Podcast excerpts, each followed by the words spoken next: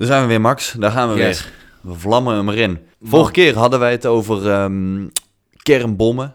Ja. Alles wat eh, zeg maar gewoon explosief materiaal is. Eh, Kernwapens. precies. Deze week dacht ik, laten we het, eh, het tegenovergestelde eens pakken. En laten we ons, ons verhaal voeren richting het pittoreske, rustige, neutrale Zwitserland. Ja. Of in ieder geval de, de neutraliteit van dat eh, bergstaatje eh, Mhm. eens even onder de loep nemen. Wat dacht je daarvan? Eh, ja, goed, het is dat ik geen keuze heb. En dat ja, jij ja, eigenlijk als een soort tiran deze, deze podcast altijd een beetje naar je eigen hand zet. Maar Ja, goed, ja, ik, ik, ja, het zal wel moeten. Ja, ook, Ja, ik hoop dat je je huiswerk gedaan hebt, anders dan gaan die klappen vallen. Ik heb eh, sowieso de eerste drie regels van de Wikipedia-pagina van Zwitserland. Oké, daar gaan we. Dit is Met een Korreltje Zuid. In deze podcast nemen we je wekelijks mee naar internationale obscuriteiten en geopolitieke uithoeken. Ongezouten, maar met smaak. Wij zijn Max en Auke. Welkom.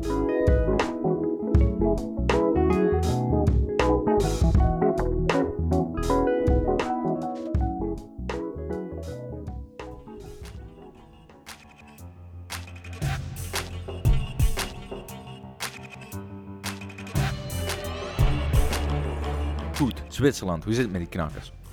Ja, Zwitserland is dus neutraal. Ehm, en dat, dat, dat spreekt denk ik best wel voor zich wat dat inhoudt. Namelijk dat je gewoon in ieder conflict als een soort afzijdige cirkel opstelt. Oh ja, ik weet niet hoor, ik weet niet. Het is niet mijn probleem. Ja. Ik hou, ik hou, ik hou me er buiten. Ik hou me er buiten. Oh, je bent, je bent allemaal, die- allemaal joden aan het vergassen. Ja, ik vind daar niks van. Ja, zo, zo zijn zij dus, hè? Bij ieder conflict allemaal een beetje langs de zijlijn eh, wegkijken. Ja, Ja. ja, ja. en, dat, eh, eh, en dat wordt dan wereldwijd allemaal geprezen als... nee, ik maak er natuurlijk een grapje van. Ehm, maar aan de ene dit is natuurlijk, hiermee schets ik wel meteen de, de kritiek van het neutraliteit Mhm. gebeuren.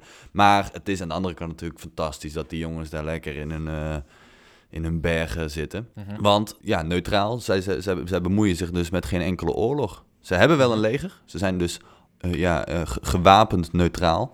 Ja. Eh, maar zij zullen nooit naar het buitenland gaan om daar dan een paar, weet ik het, jihadstrijders om te leggen. Dat, Ja, dat doen ze paar- niet aan mee. Een paar Nee. Oostenrijkers aan de andere kant van de berg leven zuur te maken. Nee, maar precies. even, Ja. ehm, oké, nou ja goed, in principe, volgens mij weten we allemaal wel dat, eh, dat Zwitserland eh, neutraal is. Mhm. Maar dan is natuurlijk de vraag, eh, waarom? Sinds wanneer? Wat, Ja. wat, de, hoe, wat? Ja, Dus, ja er zit, er zit wel een, een logica achter. En ehm, het begon eigenlijk al met de vrede van Westfalia. En dan moeten we naar 1648, lang geleden. Dat ehm De vrede Zwitserland... van Münster noemen wij dat trouwens, in, in het Nederlands. Ah, ja, ja, ja. Vrede van Münster, excuus. Ja, heel goed. Scherp.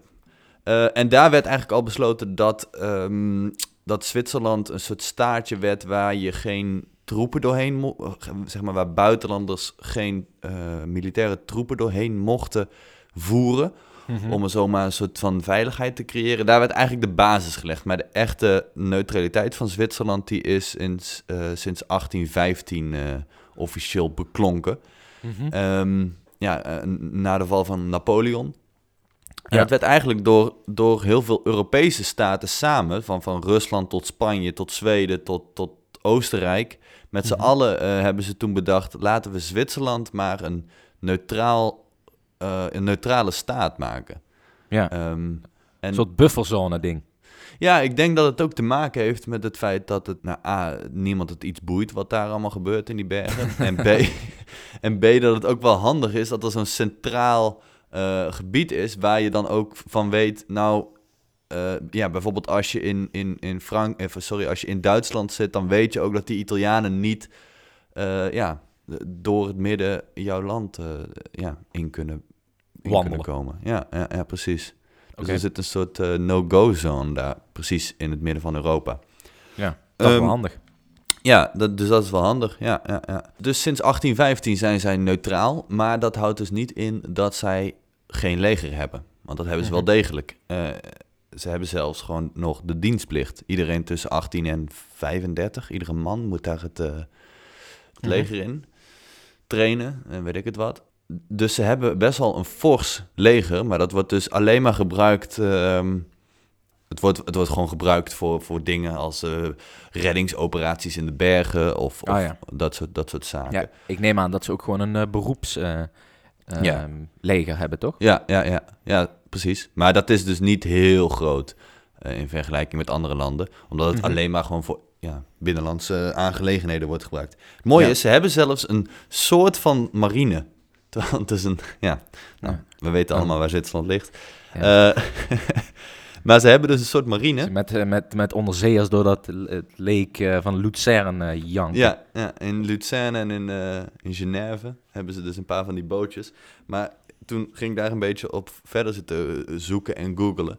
En nu Mhm. blijkt het dat het Amerikaans leger, die, hoe zeg je dat in het Nederlands? De, de take the piss. Zijn, eh, Die zeiken ze af. Ja, die, die die, maken zeiken, grappen die, over. Die maken een beetje grappen en grollen over die Zwitsers. Dus die Mhm. hebben in het Amerikaans leger eh, de term de Admiral of the Swiss Navy eh, in het leven geroepen. Ah ja, om Ehm, een of andere eh, koning één oog in Ja. het land der blinden aan te geven. Nou, ze, de, de term wijst op iemand in het leger. Als je dus in het leger in Amerika zit en er zit iemand naast je die, die zichzelf allemaal maar heel, eh, heel groots en belangrijk en stoer vindt, dan, is, dan wordt hij wel eens de Admiral of the Swiss Navy Ja, eh, genoemd. ja, ja. Oftewel een positie die helemaal niet bestaat. Nou ja, vond ik lachen. Tot grote ergernis van de daadwerkelijke admiral van de Swiss Navy. Nou, de- ja, er aan. is dus geen admiral. Er is geen, omdat de, de, de Swiss eh, Navy, die is eigenlijk dusdanig klein dat er ook geen admiral is. Ah ja, want ze zijn maar met z'n drieën. Ja, er zijn drie, Ja. drie boten of zo. Eén kok, één soldaat en nog iemand die de zeilen repareert. eh. Ja. precies. Ja, Oké. dus, eh, Nee, dus daar houdt het dan ook, eh, daarna houdt het dan ook wel mee op.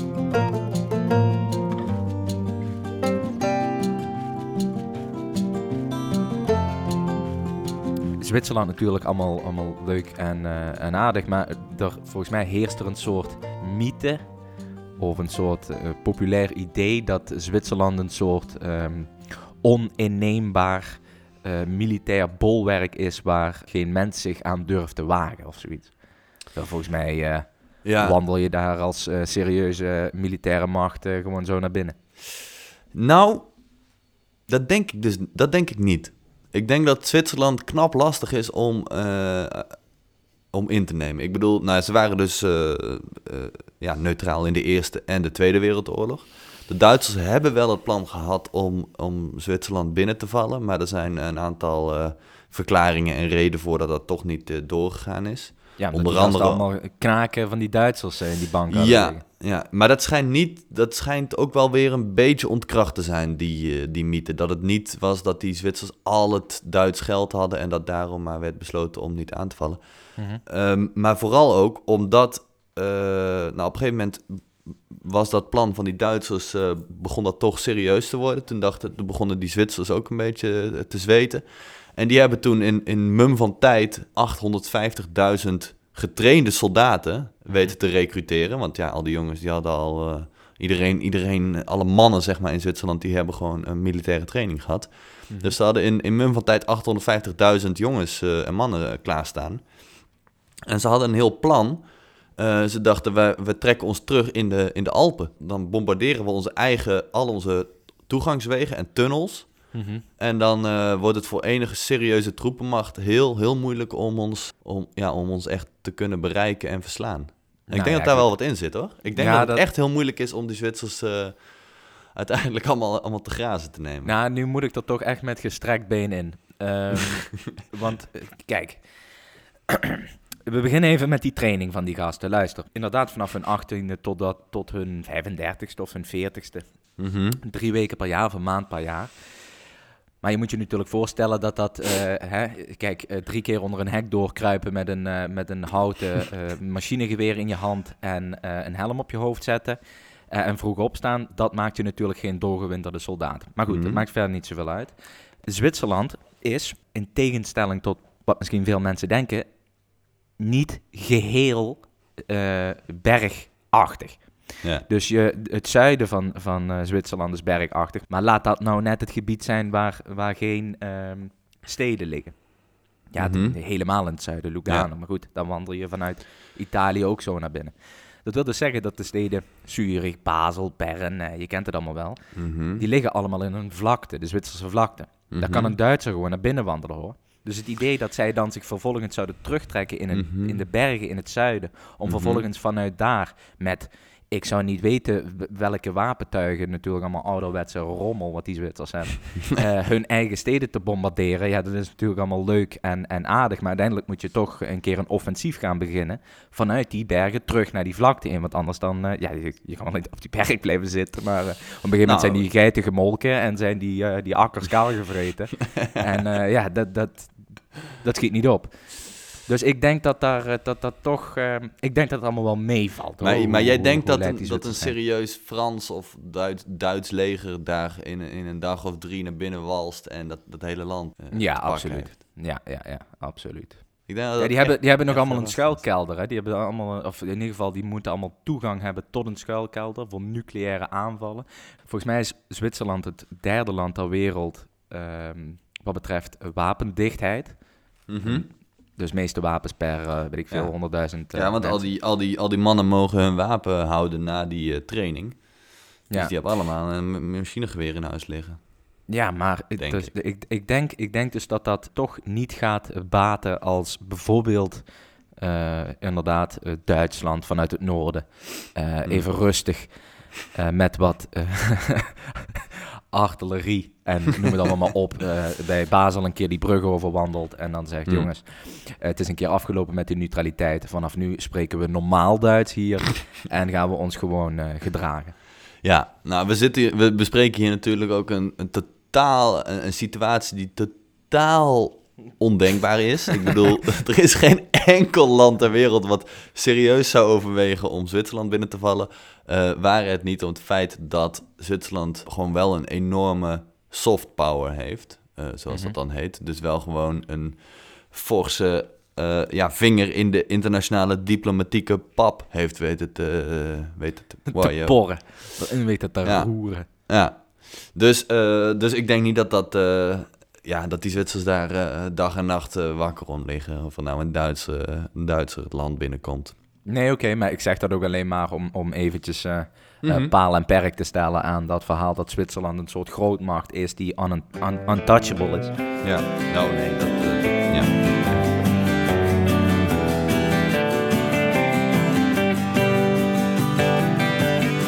Japan is trouwens ook ehm, een land dat eigenlijk neutraal is. Mhm. Maar misschien dat je het niet helemaal zo kunt, kunt eh, noemen.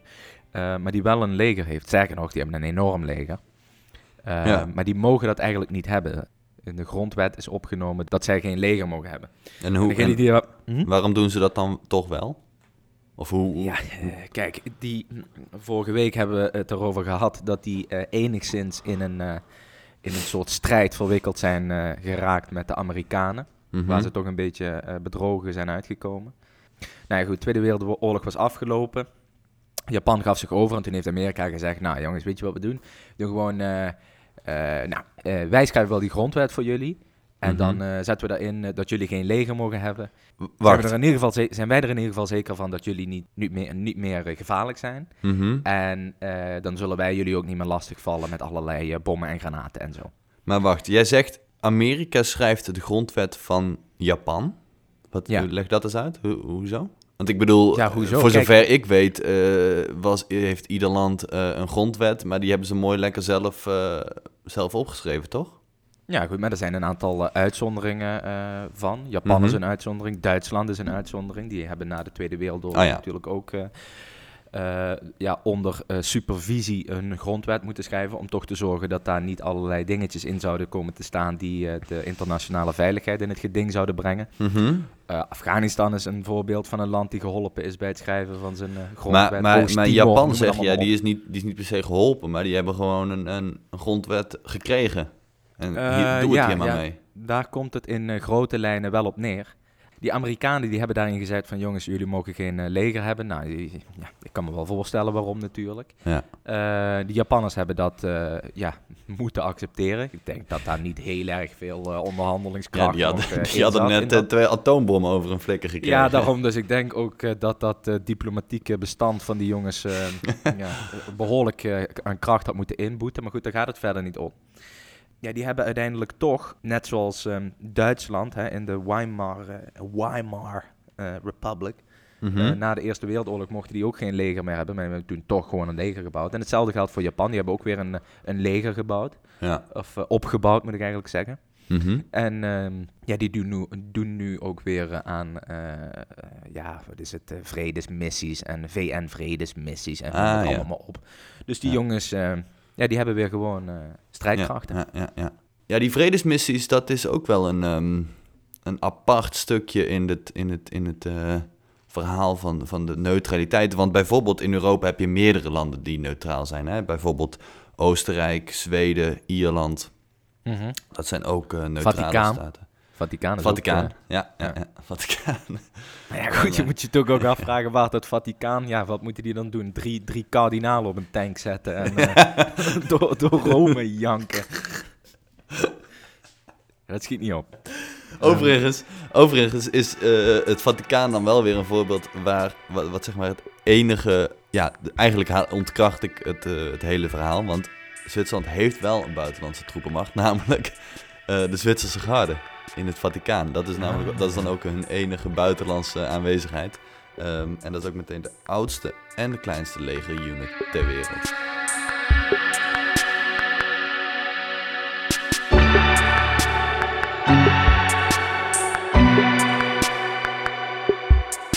Dan wou ik het even terugpakken op. Ik begon helemaal eh, aan het begin een beetje gekscherend over die, over die neutraliteit. En dat je dan maar van de zijlijn toekijkt. Maar wat. wat eh, dat is wel, dat de kritiek op neutraal zijn is dat je daarmee wel je moraliteit, als het ware, in de prullenbak gooit. Althans, nou, in het geval van eh, de Tweede Wereldoorlog.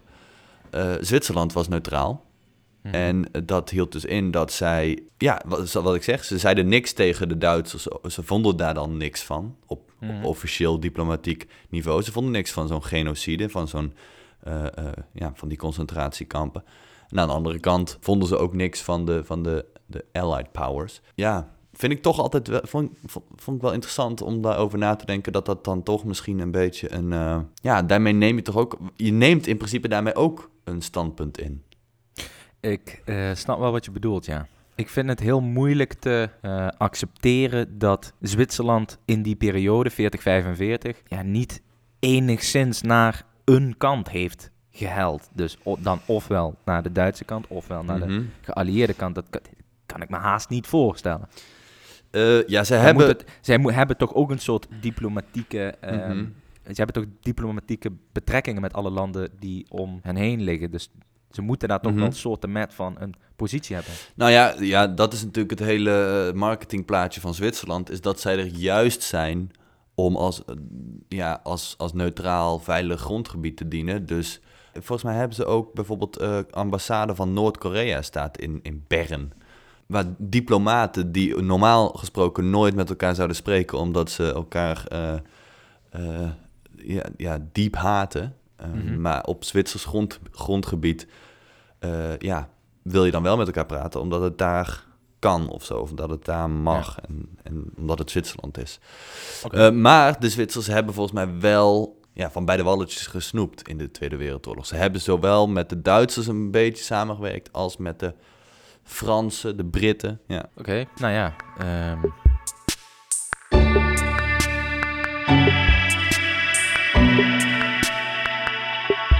Even los van die geschiedenis, zeg maar, die politieke geschiedenis van die Zwitsers, vind ik dat, die, eh, vind ik dat wel een heel interessant landje. Ja. eh, met betrekking tot hoe zij dat eh, politieke bestel van hun organiseren.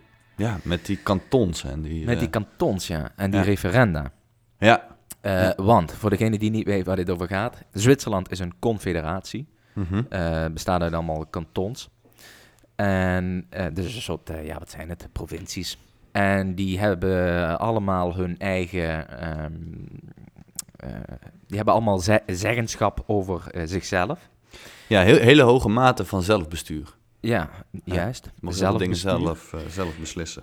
En dat eh, zelfbestuur dat krijgt eh, kleur en richting door referenda en een heel serieus aantal stemmingen Ja. per jaar. Ja, zij stemmen volgens mij eh, voor praktisch eh, alles. Als er weer een stoplicht geïnstalleerd moet worden in een of ander eh, bergdorp, dan wordt er weer een referendum voor uitgeschreven. ja, juist, ja. Ehm, en toen, kijk, ik ben persoonlijk een, ik, ik voel wel wat voor referenda. Hoewel ik ben me echt wel terdege bewust dat er heel veel haken en ogen zitten aan het organiseren van referenda. En dan vooral natuurlijk de vragen die je daar moet stellen aan de mensen. Oftewel Mhm. het plebs. Ehm, het stemwee. Ja. Het, het plebes. Maar ik vind dat die, die Zwitsers, die, wat, ik, wat ik daar zo mooi aan vind, is die ehm, door het organiseren van zoveel referenda en het betrekken van het volk bij de politiek en eh, besluitvorming, voed je Mhm. je volk ook een soort met van politiek op. Snap je? Dus je, je, je eh, laat het niet aankomen op één keer stemmen per vier jaar, zoals wij dat hebben. Ja, Maar je, je, je, je activeert je Ja. mensen.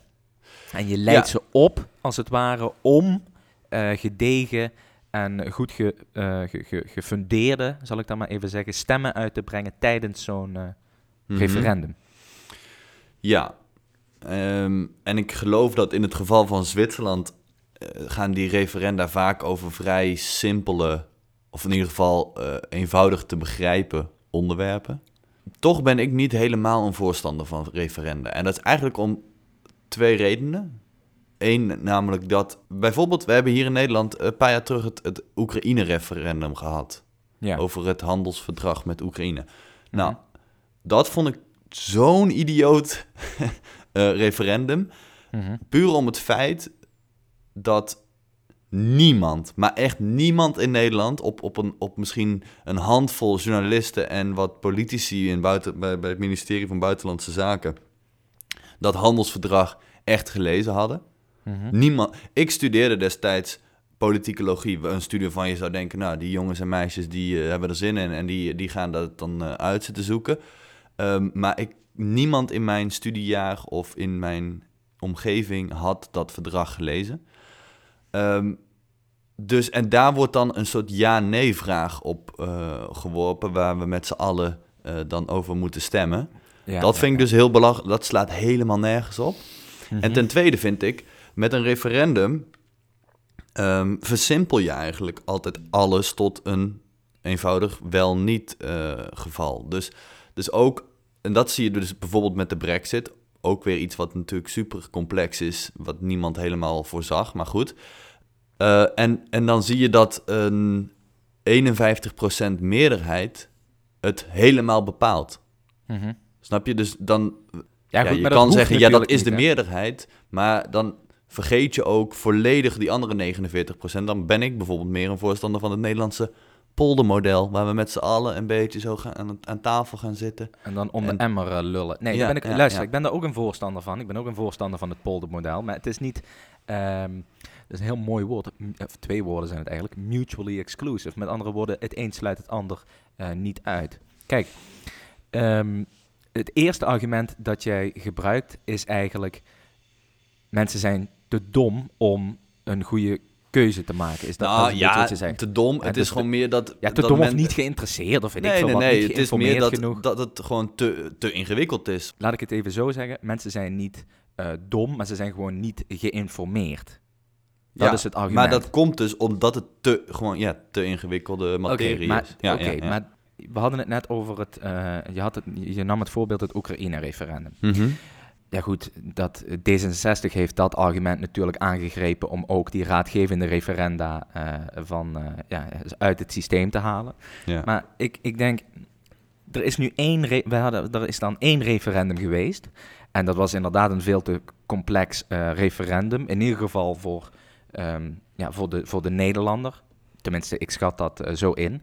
Maar dat betekent niet dat je niet bijvoorbeeld andere dingen kunt, kunt referenderen. Of dat je bijvoorbeeld ehm, stapsgewijs, hè, dus met, met eerst, laten we zeggen, makkelijke eh, politieke vraagstukken. eh, probeert om, zoals ze dat in Zwitserland doen, je, je volk wat ehm, te, te, te, te prikkelen om zich ook daadwerkelijk bezig te houden met eh, politiek. Want ik, kan me, ik snap helemaal waarom mensen zeggen... ja, wat interesseert mij dat nou, een handelsverdrag met Oekraïne? Ja, nee, het boeit me geen, geen, geen, geen reet. Oké, Mhm. dat, is, dat is één. Dus dat heeft ook met een bepaalde opvoeding te maken. Want hetzelfde kun je zeggen... ehm, Vroeger was het argument dat eh, vrouwen bijvoorbeeld niet mochten stemmen omdat zij eh, helemaal niks van doen hadden met politiek en omdat zij dus ook niet eh, in staat zouden zijn om eh, daar iets fatsoenlijks van te vinden. En ik denk dat dat, eh, dat dat argument dat het volk niet geïnformeerd genoeg is om een referendum eh, in- goede banen te laten lopen, dat dat een, een beetje hetzelfde argument is. Je, je, ik, ik vind het een beetje een onderschatting, of, een, of je, je zou het zelfs een minachting kunnen noemen van de, de politieke, ja, van de kiezer. Nee, nee, nee, nee dat, dat is het zeker niet. Ik ben best wel een voorstander van referenda als het gaat op lokaal niveau in dorpen, in, in steden, misschien zelfs in de provincie. Als het gewoon gaat over lokale issues. Maar je kan gewoon niet, je kan niet van een bevolking verwachten, en dat is geen minachting, maar dat is gewoon puur omdat het veel te complex is. Niemand heeft een master in internationale handelsverdragen afgerond. Je kan niet van mensen verwachten dat ze kunnen eh, begrijpen wat de voor- en nadelen zijn van een 280 pagina's tellend handelsverdrag tussen de Europese Unie en Oekraïne. Dat Nee, is niet een minacht. Dat, dat hoeft toch niet? Je kunt, Nou ja. je kunt ze toch simpelere dingen vragen? Ja, nee, je maar daarom ben ik dus. Ik ben best wel voorstander van een, hè, wat ik zeg, eh, lokale kleine issues, maar niet Ah, dus van je die bent ook een voorstander van... Je, ben je nou ook een voorstander van referenda? Ah, ja, als het gaat om kleine lokale issues, ja, dan wel. Ah, Oké, ja, Ja. ja. Ja, Ja. En la- kijk, wat die Zwitsers doen, is die hebben, eh, die, hebben die, die, die, die provincies dusdanig opgeknipt dat het allemaal kleine gemeenschappen zijn, die heel erg goed kunnen eh, eh, beslissen over hun eigen kanton dan, in het geval van Zwitserland. Ja, en wat krijg je dan als gevolg? Dat Zwitserland het laatste land ter wereld is, zeg ik uit mijn hoofd, weet ik niet zeker. Dat vrouwen, vrouwenkiesrecht toestond. Want er was Mhm. nog een een of ander achterlijk kanton ergens in Oost-Zwitserland. Mhm. dat eh, tot ergens in de jaren tachtig gewoon dacht dat vrouwen achterlijk waren. En die moest je niet eh, laten stemmen. En toen hebben ze daar een, ja, heel vaak referenda over gehad. En toen was de meerderheid het toch mee eens dat vrouwen inderdaad maar gewoon eh, thuis achter, achter het fornuis moesten staan. Ja. Ja, dus dat wat betreft hun politiek. Weet je dat je trouwens in Zwitserland na tien uur niet meer, dat een man niet meer rechtopstaand mag pissen? Of dat jij eh, je wc mag doorspoelen? Wat? Maar zijn dit van die oude, oude wetten die nog uit de middeleeuwen stammen? Nee, ja, die, die, die, die Zwitsers, dat zijn natuurlijk een beetje conservatieve mensen. Dus die hebben eh, allemaal, ehm, ja, wat is het, nachtroewetten. dus die willen dan rust tijdens de nacht. Dus dat wordt stevig bestraft als jij tussen eh 10 en, en, en 7, kan ik maar even zeggen, Ja. ehm, ja, lawaai maakt als je in een appartement eh, woont. Nou, dit heb ik op allemaal eh, obscure eh, websites gevonden, maar ik probeerde dat terug te zoeken in, in, in de officiëlere... eh, In het Zwitsers van het wetboek dat jij op de kast hebt staan. Nou ja, goed, internet, dat werkt vaak. Hè. Oh, dus ja. dat- er is een website die heet eh, www.google.com. En dat is dan G-O-O-G-L-E. En daar kun je vrij veel dingen eh, vinden. Dus misschien een aanrader voor de luisteraars. Maar ik, ik kon het toch niet helemaal terugvinden. Of het waar dacht- was of niet. Ja, maar een beetje in lijn met die, die, die, ook die, ja, die Zwitsers, dat zijn een beetje moeilijke mensen af en toe. Hè. Die, eh, Ja. ja, ook die zondagsrust. Je mag daar bijvoorbeeld niet je gras maaien op zondag. Echt? In sommige kantons. Ja, ja, ja. Die, die zijn zo christelijk als, eh, ja, als eh, ja, Zwitsers. Ja, het, is een, eh, het blijft een beetje een En dat land. taaltje, jongen. Dat, heb je dat al eens gehoord? Zwitsers? Nou, welke van de vier bedoel je dan? Want ze hebben dus vier officiële talen. Ja, nee, ik heb het over Zwitsers-Duits. hè, Dus Ah. Zwitsers. Ja, ja, ja, dat heb ik wel eens. Ja, dat is een, er zit een vreemd accentje aan, ja. Een vreemd accent. Gast, daar is geen woord van te verstaan wat die gasten allemaal bij elkaar knagen. ja. Eh, nee, ja, dat, dat, klopt. Dat is heel vreemd. Heb je wel eens het... eh, want je hebt ook... Nou goed, je hebt dus naast het eh, Zwitsers-Duits... heb je ook natuurlijk het Frans, wat ze in Genève spreken... en het eh, Italiaans, wat ze in Lugano spreken. Maar je hebt dan ook nog het Romanisch. En dat is Mhm. een taal die bijna uitgestorven is. Wordt denk ik nog door iets van 10, 20.000 man gesproken... ergens in de bergen in het eh, oosten van, het- Mhm. van het land. En dat is me een rare taal. Eh, ze zeggen ook wel eens dat dat een van de eh, talen is die het dichtst tegen het origineel Latijn aan zit. Een heel vreemd taaltje. Ah ja, Ja. lijp. Retro-Romanisch. Ja. Maar goed, ehm, ik denk dat we hem hebben. De Zwitsers eh, zijn neutraal. Wij vinden daar het onze van. Ze zijn ontzettend succesvol. Dus naast die drie bankiers, eh, die, die vier herders en die horlogemakers, hebben ze een geweldig eh, politiek bestel. En ik kom er ook graag in Zwitserland. Fantastisch land. Ontzettend Mhm. duur. Maar altijd een geweldig verblijf. Of wie de zin. Grüß Gott.